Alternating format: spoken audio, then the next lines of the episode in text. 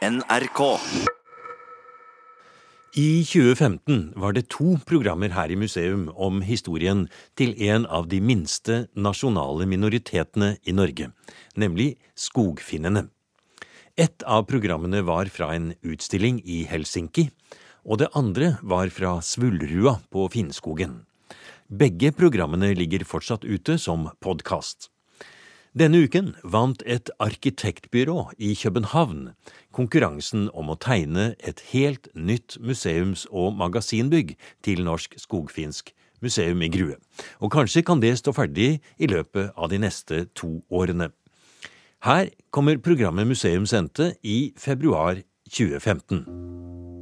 Det finske nasjonalinstrumentet kan tele kan passe fint i starten av et program om den skogfinske historien. Det er Sinikka Langeland som spiller og synger Hans Børlis vers om de store skogene som er Finnskogens hjerte. Tusen mål skog står og svagar i vind, og tenker og er som et levende sinn. Og hjertet mitt banker aleine med alt, som hvisker så stilt, og som hoier så kaldt, langt inn på skoga. Langt inn på skoga.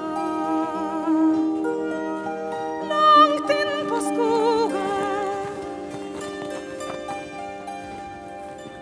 Jeg står her og lyr meg sorgsamt. Ja, snøen bærer ikke akkurat så mye her. Nei. Vi har tatt riksvei 2, det som i gamle dager het Finnskogveien, på østsiden av Glomma fra Kongsvinger og nordover.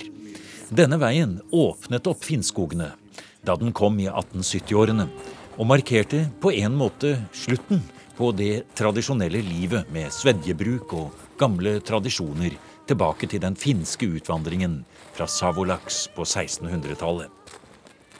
Men historien lever videre, som det heter, ikke minst takket være Norsk Skogfinsk museum, som direktør Dag Råberg skal fortelle om. Vi er på friluftsmuseet Finnetunet i Svullrya, og i våre dager er det ikke så veldig langt til Oslo. Vi befinner oss eh, 14 mil fra Oslo, så det er ikke mer enn et par timers kjøring, det. Men likevel er jo Finnskogen ganske stor. Vi, som du sa, er vi nå på Svullrya, som mange kaller Finnskogens hovedstad. Iallfall da på norsk side. Men eh, Finnskogen strekker seg jo helt ifra Eidskog i sør, hvis vi da tenker norsk side, og helt opp til midt i Trysil. Så det er eh, Vi prater om en eh, 25 mil i lengderetning, iallfall. Ja. ja, det skal vi komme litt tilbake til. La oss bare gå litt rundt her i snøen og kikke, for her står det en hel del bygninger rundt oss. Og det er jo en del av måten dere presenterer den skogfinske historien på. Ja, det Mange vil kanskje tenke at det ikke er så stor forskjell på skogfinske bygninger og norske eller svenske eller skandinaviske bygninger for den del. Men eh, det er noen eh, særtrekk eh, ved noen bygninger som er helt spesielle. Og da tenker jeg først og fremst på røykomsbygninga. Vi har tre forskjellige røykomsbygninger. Det er røykstua som vi har framme hos her nå, som er våningshuset. Ja, Og eh, så har vi eh, røykbadstua, som ikke vi ser her nå, men den ligger her på baksida her. Og så har vi ria som ligger bak oss hvis vi snur oss. aha. Og navnet Svullrya det kommer faktisk av Det er et sammensatt norsk-finsk navn som eh, kommer av eh, ei rie som lå eh, noen hundre meter lenger nord der, ved en bekk. Der det da brukte å svelle om vinteren, så det ble altså issvuller. Så den ria ble kalt Svullrya, og så ble det navnet på tettstedet. Ja, og da må jo jeg avsløre at jeg ikke vet hva en rie eller rie er. Nei. Og det er ikke så rart, Men men dette kommer til det finske ordet rihi, som altså er tørkehus for korn. Og felles for eh, både ria og eh, røykbadstua og røykstua er jo da røykommen.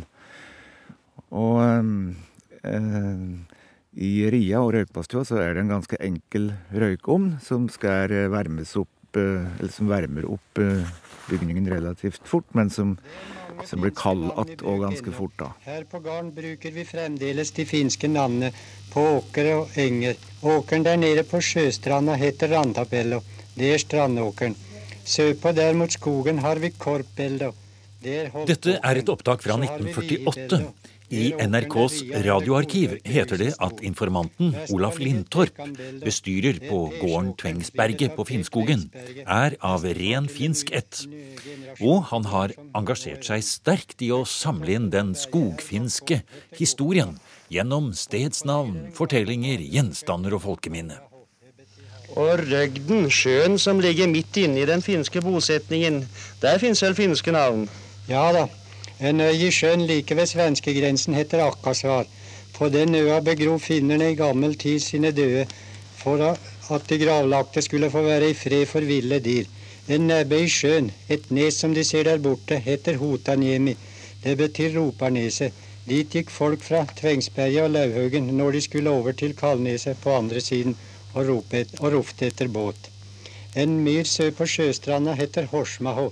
Det betyr Elmerkebråten eller Geiteramsbråten. Norsk Skogfinsk museum, som har eksistert siden 2005, og som er en sammenslutning av Gruetunet, Finnetunet, Austmarka historielag og Åsnes historielag, har fortsatt innsamlingen av muntlig historie, skogfinsk kultur og forvaltning av godt over 100 bygninger som er tatt vare på. Annet her på Finnetunet i Svulria, hvor direktør Dag Råberg peker mot en bygning som egentlig er en kamuflert scene. For på Finnskogdagene i juli blir det liv her, sier Råberg. Man har jo sitt eget spel. Det har vi, og um, det heter kort og godt Spill om innvandrerne, og beskriver historia eh, til de som eh, kom hit til Finnskogen og helt fram til i dag. Så det strekker seg altså fra eh, midten på 1600-tallet til, eh, til eh, dags dato. Og der er du med også, Dag. Og hva er det du heter i spillet? Ja, i spillet så heter jeg Steffen uh, Mullika. Og um, altså han uh, Han bygde gården Mullikalla etter hvert, som er da det finske slektsnavnet, eller Mullikalla betyr egentlig Mullikas gård, og Mullika betyr ung kvige. Men eh, jeg spiller han i stykket, og det har jeg gjort i over 20 år. Og jeg er faktisk i slekt med han, eller han er en av mine forfedre. Jeg kommer att på Treffer på han flere ganger. Og han som jeg spiller mot i stykket, som heter Per Reisinen, som òg var den eh, Det var de to som da var de første finner som slo seg ned på norsk side, slik vi veit det. Så du spiller altså en av dine egne eh, forfedre, hadde jeg nær sagt? Ja da, og han som jeg spiller imot, er òg en av mine forfedre. Så jeg fant jo ut for um, noen år siden at jeg, at jeg er litt mer finsk enn norsk, uh, og at jeg er i slekt da med 24 av de 431 finske slekten som vi har registrert her på Finnskogen. Så det kom det kom så mange forskjellige familiegrupper inn, ja? Ja, det er riktig. Så det, det sier noe om omfanget av innvandringa. Og eh, det er jo aldri lett å beskrive hvor mange som kom, men iallfall ut ifra det, og ut ifra at jeg da faktisk sjøl er et bevis på at sjøl etter nesten 400 år, så, så er jeg slik rent eh, skal vi si slektsteknisk sett, så er jeg litt mer finsk enn norsk. Her kommer vi inn i Se her, her henger jo masse ting med en gang. Her, en gammel, en gammel. Sammen med direktør Dag Råberg ved Norsk Skogfinsk museum på Svullrua i Grue går vi inn i røykstua på Finnetunet. En røykstue er et stort og høyloftet oppholdsrom med et massivt oppmurt ildsted, men uten pipe på samme måte som en årestue. Prinsippet er at røyken skal legge seg høyt oppunder taket og avgi varme til rommet. Slik fyrer man til den store steinovnen er gjennomvarm og kan avgi lun varme i timevis. Effektivt og energiøkonomisk. Men foreløpig er vi bare ute i gangen. Nå står vi altså i en gang. Eh, denne røykstua er jo en midtkammerbygning. Der vi har røykstuerommet på ene sida og det vi kaller svenskstue på andre sida. Så her, vi står på en måte midt mellom to tidsperioder. Altså da um, Da skorstein ble tatt i bruk på 1800-tallet, så ble røykstuen bygd slik som denne, med ei, en røykstuedel og en svensk stuedel, eller kunne for så vidt vært kalt norsk stuedel, med pipe og grue, mens den beholdt røykstua og røykstuefunksjon i et annet rom. Jeg skjønner. Mm. Og um, det er jo fordi at begge, begge rommene hadde sine fortrinn.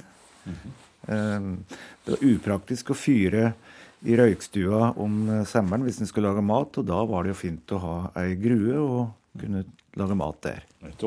Og på veggen der, hva er det for noe? da? Ja, det er skøyter som er Det sjølve stålet er eh, oppbrukt eh, gamle ljåblad. Det var nok ikke så uvanlig hvis vi går en 50-60-70 år tilbake i tid. Og lenger. Ja. Og hvis vi ser på veggen her, eh, Dag, her ser vi merker etter øksa som har hogd til dette her. Det er øksetender. Har eh, På veggen her henger et kart som forklarer mye av det som skjer på Finnskogdagene hvert eneste år. Da erklæres republikken Finnskogen, det velges president, den finske ambassadør er til stede, og det legges ned krans til ære for Carl Axel Gottlund, en finsk språkforsker og ekspert bl.a. på nasjonaleposet Kalevala, sønn av en prest i Savolaks. Men i denne sammenheng først og fremst mannen som på begynnelsen av 1800-tallet lanserte tanken om en egen skogfinsk kommune som kunne strekke seg inn i Sverige. Hva står det her, da? Kart over Finnskogen, ja. Og det er Carl Axel Gottlunds kart over Vestra Finnskogen. Og man ser at den skogfinske befolkningen holder til på begge sider av grensen. Hvilket årstall er vi nå, og hvordan er det med den kontroversielle delen av eh, finnene? Når blir de som kommer over den finske fare? Eh, kartet det, det er nok fra 1821. Det var iallfall i 1821 at Carl Axel Gottlund besøkte eh, norsk og svenske Finnskogen her. Da det gjelder begrepet finske fare, så tror jeg kanskje ikke det begrepet er så mye brukt eh, eller eh, tenkt på som, eh, som lenger nord. Nettopp. For det er jo sånn at det er to områder i Norge som heter de finske skoger. Finnmark og Finnskogen. Ligger på to forskjellige steder og er også to helt forskjellige historier. For kvenene i nord det er ikke det samme som innvandringen eh, her i syd. Nei, kvenene har en helt annen historie og har ikke den, eh, den kulturbakgrunnen i forhold til svedjebruk som skogfinnene hadde. Og eh, kommer nok litt fra, fra forskjellige områder. Og det er også to forskjellige nasjonale minoriteter i Norge vi snakker om her. Ja, det er riktig. Og dette har nok vært misforstått i, i tå mange i lang tid. Og skogfinner har av mange blitt betraktet som en, som en sydlig grein av kvener, men det er altså helt feil. Det er to, Vi prater om to helt forskjellige befolkninger og kulturer. Var det da også sånn at når det store innslaget av den skogfinske innvandringen kom på slutten av 1600-tallet, begynnelsen av 1700-tallet, innover på 1800-tallet, var det da slik at det kanskje ikke ble ansett som, som du sier, den finske fare, et uttrykk vi da kanskje da kjenner mest fra den nordlige delen, og hvor fornorskningspolitikk ble satt i verk osv. Var det noe som kanskje ikke kom i samme grad her? Jo, da det gjelder eh, fornorskningspolitikken, så var jo eh, det, det var nok like aktuelt her. Og eh, vi prater jo da i kanskje om perioden eh, litt etter at Karl-Axel Gottlund besøkte Finnskogen, altså ifra midten på 1800-tallet og utover. Eh, Vi fikk eh, de første faste skolen fra ja, 1870 var den første skolen her på Grue Finnskog. Og mm, Da skjedde det ganske mye. Det, da hadde vi liksom en nasjonalistisk bølge, og eh, det var ikke løv å prate finsk på skolen, f.eks. Det ble elever straffet for. Hvilket i sin, tid, eh, sin tur da førte til at foreldra slutter rett og slett å lære ungene sine finsk for at de skulle eh, bli skåne for det. Så det eh, Den delen av fornorskningen, fornorskningspolitikken, den førte jo rett og slett til at vi mister språket vårt her, da. Mm. Og det kartet vi står og ser på fra 1820-årene, det ble vel også oppfattet som noe mer enn bare en registrering av stedsnavn og hvor de finske familiene bodde. Karl Aksel Gottlunds eh, tanke og idé var rett og slett å få etablert et eget finsk herred hæred i hjertet av Finnskogen. Og eh, han foreslo jo dette på et folkemøte her på Rævhølte, på utkanten av Svullrøya. Og det gikk så langt at det faktisk eh, det ble sendt en delegasjon til eh, kongen. altså eh, Da var det jo svenskekongen. Men som endte med, Nuk endte med et negativt svar, og det ble aldri noe eget her. Rent, rent forsøk på rett og slett et form for å tegne kartet på nytt, bokstavelig talt, og som vi står og ser på her det nye herredet da, det skulle uh, befinne seg på begge sider av grensen. Ja, mm. det er riktig. Mm. Og det var ikke noe datidens embetsmenn eller politikere for øvrig så på egentlig med noe særlig interesse? Nei, de gjorde ikke det, og kanskje, uh, kanskje det begrepet 'den finske fare' hadde litt for seg likevel, da.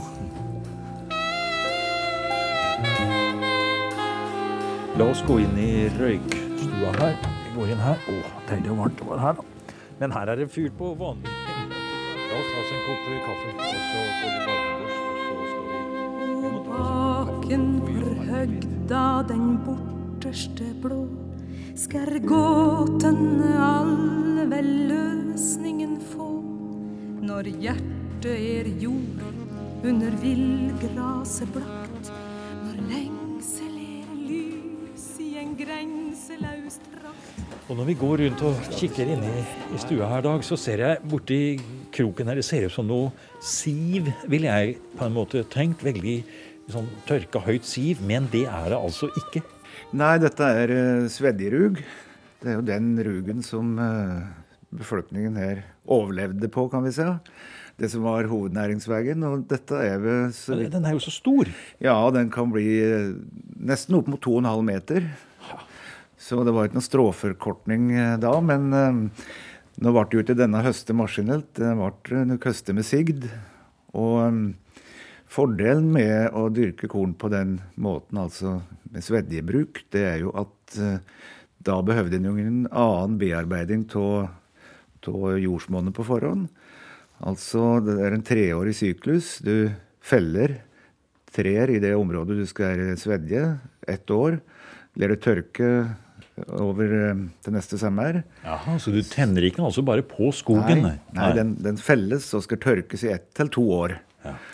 Og så tenner en eh, kontrollert på fra uh, alle utkanter på svedjefallet. Og det gjelder da å få brent opp så mye som mulig av det trevirket som ligger der, slik at en får omdanne alle, alle, alle næringsstoffer tilgjengelig i et askelag. Og så sår en svedjerugen i det askelaget, og det bør, bør en gjøre før aska er helt avkjølt, og helst eh, like før det kommer regn. Og da vokser det opp eh, Da får en altså strå og aks og, og en fantastisk avling hvis alt slør rett til. Altså av ett slikt korn i bakken, så kan en få det er nevnt i forsøk i, i altså 10 000-15 000 korn, altså 10 000-15 000 fold. Og det er jo ikke hvilken som helst skog heller man kunne bruke til dette, vil jeg tro. Nei, det var den eh, aller beste granskogen, den mest næringsrike jordsmonnet, som en uh, fortrinnsvis ville bruke. Og ja, og dette er jo i en tid før man begynner å ta ut skogen slik som man kjenner i dag, hvor da kanskje de store granskogområdene, som jo hele denne store taigaen er en del av, eh, hadde ikke den type verdi som man ser på skog i dag. Nei, det hadde ikke det. Men det kom jo En, så jo uh, hos uh, omfang svedjebruket fikk etter hvert. Og, det kom jo forordninger eller mm. forbud allerede på 1600-tallet. Og så, så, ble de litt strengere og strengere. Men det var jo da, det, da skoga fikk verdi, og, som som tømmer. Da var det først og fremst furua som, eh, som ble hogget til å begynne med, og det kolliderte ikke med svedjebruket, for det var jo granskog. Du nevner dette at det er en tre til fire år i syklus, det å drive med svedjebruk. Eh, og det siste fasen er da når det der enorme høye rugaksene overtar og vokser opp. Men hva skjer etter det? Ja, etter det så eh, Altså hvis svedjen er vellykket, så har hun da eh, pint ut nær sagt alt av næringsstoffer fra bakken eller jorda. Og det betyr at neste svedje må, som en da selvfølgelig allerede er i gang med å forberede, ettersom dette er en flerårig syklus, så må en hvert år gjøre alle forskjellige typer arbeid. Og så man kan ikke bruke det området på nytt igjen da? Da er det området på en måte, da skal det ligge brakk i mange år, da? Ja, da er det jo skogens suksesjon. Den tilsier jo da at da vil det etter hvert komme lauvskog. Bjørk ja. fortrinnsvis her, da. Og så kommer det gran igjen eh, ja. i lyt og bjørka, og så vokser det opp til en ny skog, slik at vi prater om kanskje 60-80-90 år før det er mulig å svedje på nytt. Det var doktoren som bodde der. Kval, doktor Kvale. Og her har jeg gått på skole. Har du gått på skole her? Ja. Aha. Akkurat. Her var det litt før Litt før den tid så var det 100 og det var 170 elever som gikk på den skolen. 170? Ja, takk. Hei, hei. Norsk Skogfinsk museum har ønsker og planer og et forprosjekt ferdig til å få bygget et nytt formidlingssenter. Noe slikt har man ikke i dag. Heller ikke er det skikkelige magasinforhold. Skogfinnene har status som norsk minoritet fra 1998. Og det haster med å få på plass skikkelige lokaler, sier direktør Dag Råberg. Heldigvis er det tatt vare på mange lydbåndopptak fra skogfinske informanter. Her hører vi Anna Langbråten i et opptak i NRKs arkiv fra 1948.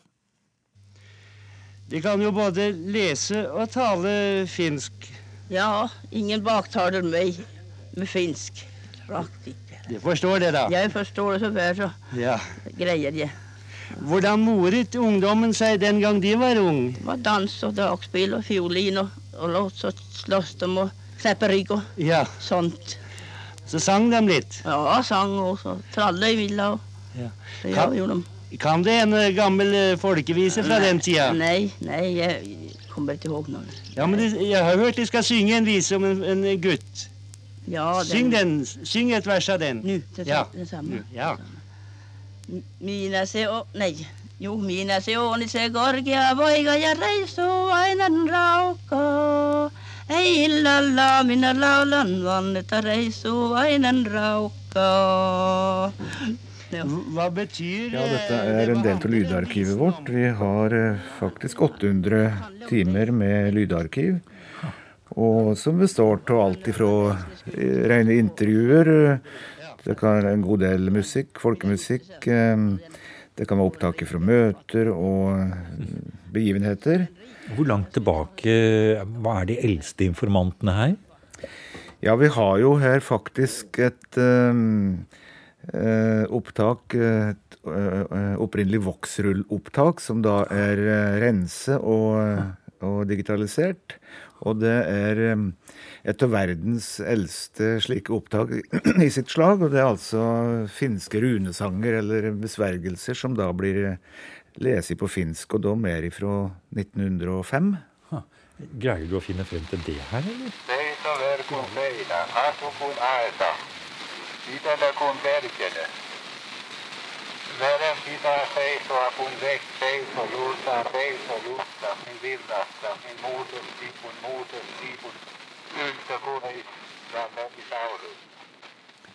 Det vi hørte her, var en såkalt blodstemmingsrune, ord fremsagt for å stanse en livstruende blødning. Folketro og naturmagi. Det gikk side om side med kristendommen, sier Råberg, og trekker fram som eksempel de forskjellige innrissede runemerkene eller symbolene som fra de første tidene har vært i bruk i den skogfinske kulturen. Ja, det mest brukte symbolet det er pentagrammet. Og et annet mye brukt eh, symbol det er rett og slett ei hånd. Eh, omrisset av ei eh, hånd. Vi finner en del andre òg, som kanskje ikke er så lett å forstå, eller lett å skjønne, og heller ikke så vanlige. Men i alle fall er jo hovedhensikten med å risse inn et slikt symbol, det er jo å beskytte og gi et signal til den som eh, ser symbolet. Og vi finner jo slike symboler stort sett på bygninger, og da er det bygninger som er viktige. Altså eh, for å beskytte folk, for å beskytte mat og for å beskytte dyr. Så det er jo da fjøs, det er stabbur, og det er røykstue eller våningshuset. Jeg tenker at uh, her er vi mer beslektet med den samiske kulturen da det gjelder eh, slik type magi og slik, uh, slik, type magiske symboler. Og en sak som kanskje er litt viktig i forhold til det med magiske symboler, det, det er kanskje ikke symbolets verken størrelse eller utforming som er så viktig. Det som er viktig, er den kraften som er lagt i det symbolet av den som har opprettet det. Og, og, det, og deri, da, det, den kraften som og advarselen kanskje som gis til den som skulle ha tanker om å, å, å eh, gå over en streken etter burde. Du har nå hørt en podkast av programmet Museum fra NRK P2. Og send gjerne en e-post til museum.krøllalfa.nrk.no. nrk.no.